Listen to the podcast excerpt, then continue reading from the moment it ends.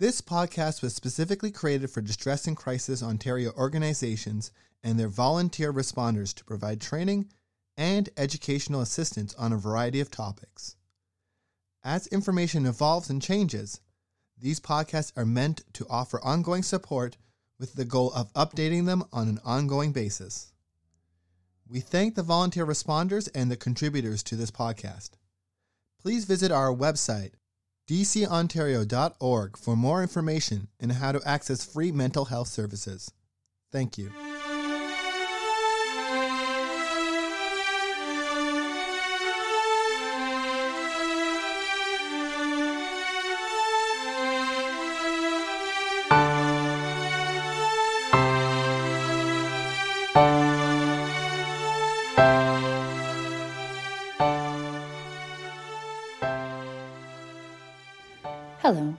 Name is Caitlin Plant, and I'm the Program Manager at Distress and Crisis Ontario. Thank you for listening to our podcast. This coming Wednesday, March 8th, is International Women's Day. International Women's Day is a global day celebrating the social, economic, cultural, and political achievements of women. The day also marks a call to action for accelerating gender parity. Significant activity is witnessed worldwide as groups come together to celebrate women's achievements or rally for women's equality. Today, we will be talking about why International Women's Day is important, what the theme for 2023 is, and how we can all work towards embracing equity. The information in today's podcast comes from internationalwomensday.com, and their website contains way more information than we have time to cover in one podcast. So I would highly recommend spending some time checking out their initiatives, resources, and more. Marked annually on March 8th, International Women's Day is one of the most important days of the year to celebrate women's achievements, educate and awareness raise for women's equality, call for positive change advancing women, lobby for accelerated gender parity, and fundraise for female focused charities. Everyone, everywhere, can play a part in helping forge gender equality. From a wide range of International Women's Day campaigns, events, rallies, lobbying, and performances to festivals, parties, fun runs, and celebrations, all International Women's Day activity is valid. That's what makes International Women's Day so inclusive worldwide. You may be wondering if we still need an International Women's Day. The simple answer is yes. There's no place for complacency. According to the World Economic Forum, sadly, none of us alive right now will see gender parity in our lifetime, nor will likely many of our children. Gender parity won't be attained for well over a century. For International Women's Day 2023, the global campaign theme is Embrace Equity. We can all challenge gender stereotypes, call out discrimination, draw attention to bias, and seek out inclusion. Collective activism is what drives change. From grassroots action to wide scale momentum, we can all embrace equity. And to truly embrace equity means to deeply believe, value, and seek out difference as a necessary and positive element of life. To embrace equity means to understand the journey required to achieve women's equality. The International Women's Day 2023 campaign theme drives worldwide understanding why equal opportunities aren't enough. So, equality versus equity. What's the difference as we embrace equity for International Women's Day and beyond? The words equity and equality are often used interchangeably. Etymologically, the root word they share is equus, meaning even or fair or equal, which led to equity being from the Latin equitas and equality from equalitas. Yet, despite these similarities, equity and equality are inherently different concepts, and the International Women's Day 2023 Embrace Equity campaign theme seeks to help forge worldwide conversation about this important issue and its impact. So, what's the difference between equity and equality, and why is it important to understand, acknowledge, and value this? The International Women's Day 2023 Embrace Equity campaign theme seeks to get the world talking about why equal opportunities are no longer enough and can, in fact, be exclusionary rather than inclusive. Let's start with a basic definition of each word. Equality means each individual or group of people is given the same resources or opportunities. Equity recognizes that each person has different circumstances and allocates the exact resources and opportunities needed to reach an equal outcome. For example, imagine that you are babysitting two children and they are hungry. You go to the fruit bowl and you start to pick up two apples to give them to each child. However, you remember at the last moment that one of the children is allergic to apples. Instead, you reach for one apple and one banana, and that way you're being fair. You still give one piece of fruit to each child, but you're also being equitable because you're giving each child a legitimate way of satisfying their hunger. If you had gone for two apples, the child who's allergic to the apple would, on the surface, have a way to satisfy their hunger, but they couldn't do that without getting ill. In this way, you're being fair. You're giving each child a piece of fruit, but you're also giving them something that is in line with their individual needs so they can be successful. Equity can be defined as giving everyone what they need to be successful. In other words, it's not giving everyone the exact same thing. If we give everyone the exact same thing, expecting that will make people equal, it assumes that everyone started out in the same place. And this can be vastly inaccurate because everyone isn't the same. The concept of fairness can get tricky as it's often assumed that being fair means everybody gets the same thing.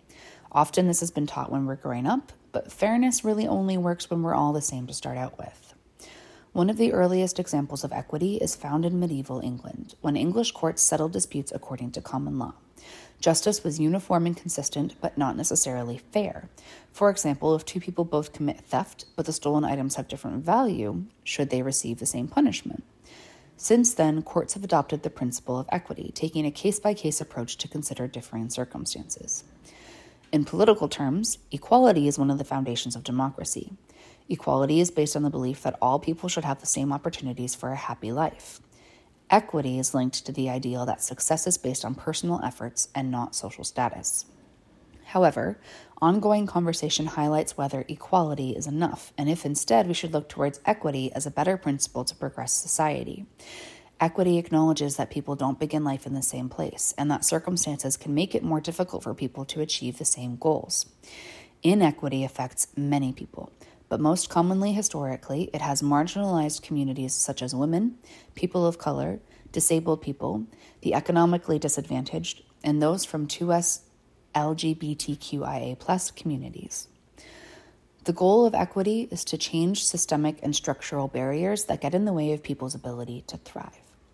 People who push for equality based solutions to social issues may believe in impartiality and that there should be no difference in services and policies. However, equity based solutions take into account the diverse lived experiences of individuals and communities, adapting services and policies according to these differences. Equity is a long term and sustainable solution and is a process for addressing imbalanced social systems. Equality focuses on providing all genders with equal opportunities, such as a woman's right to vote. Yet, women often require more than a level playing field.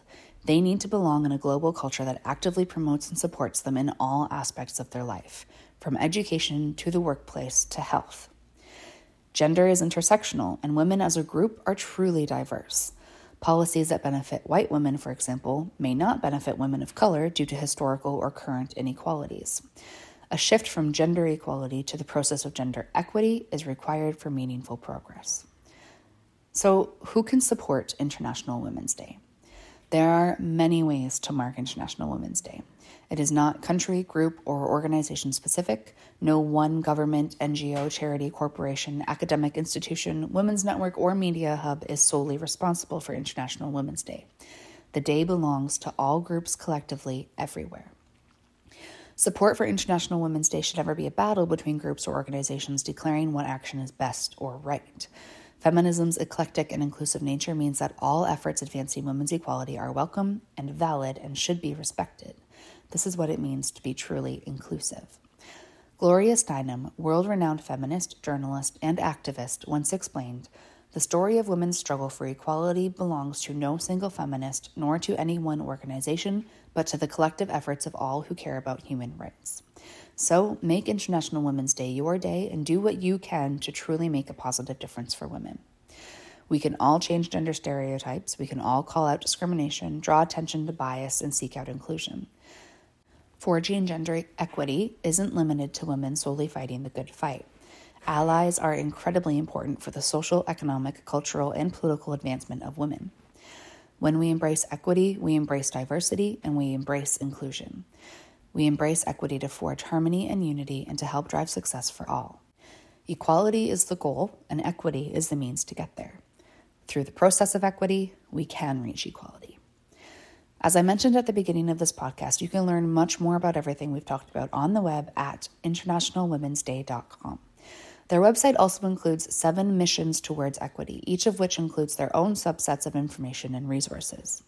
The seven missions are to elevate women forging change via technology and sustainability in communities, workplaces, and beyond, to celebrate the work of women creatives and elevate visibility for commercial projects and commissions, to forge inclusive work cultures where women's careers thrive and their achievements are celebrated, to elevate and advance gender parity in technology and celebrate the women forging innovation, to shine a spotlight on activity uplifting and inspiring women to pursue goals without bias or barrier to assist women to be in a position of power to make informed decisions about their health, and to celebrate women athletes and applaud when equality is achieved in pay, sponsorship, and visibility.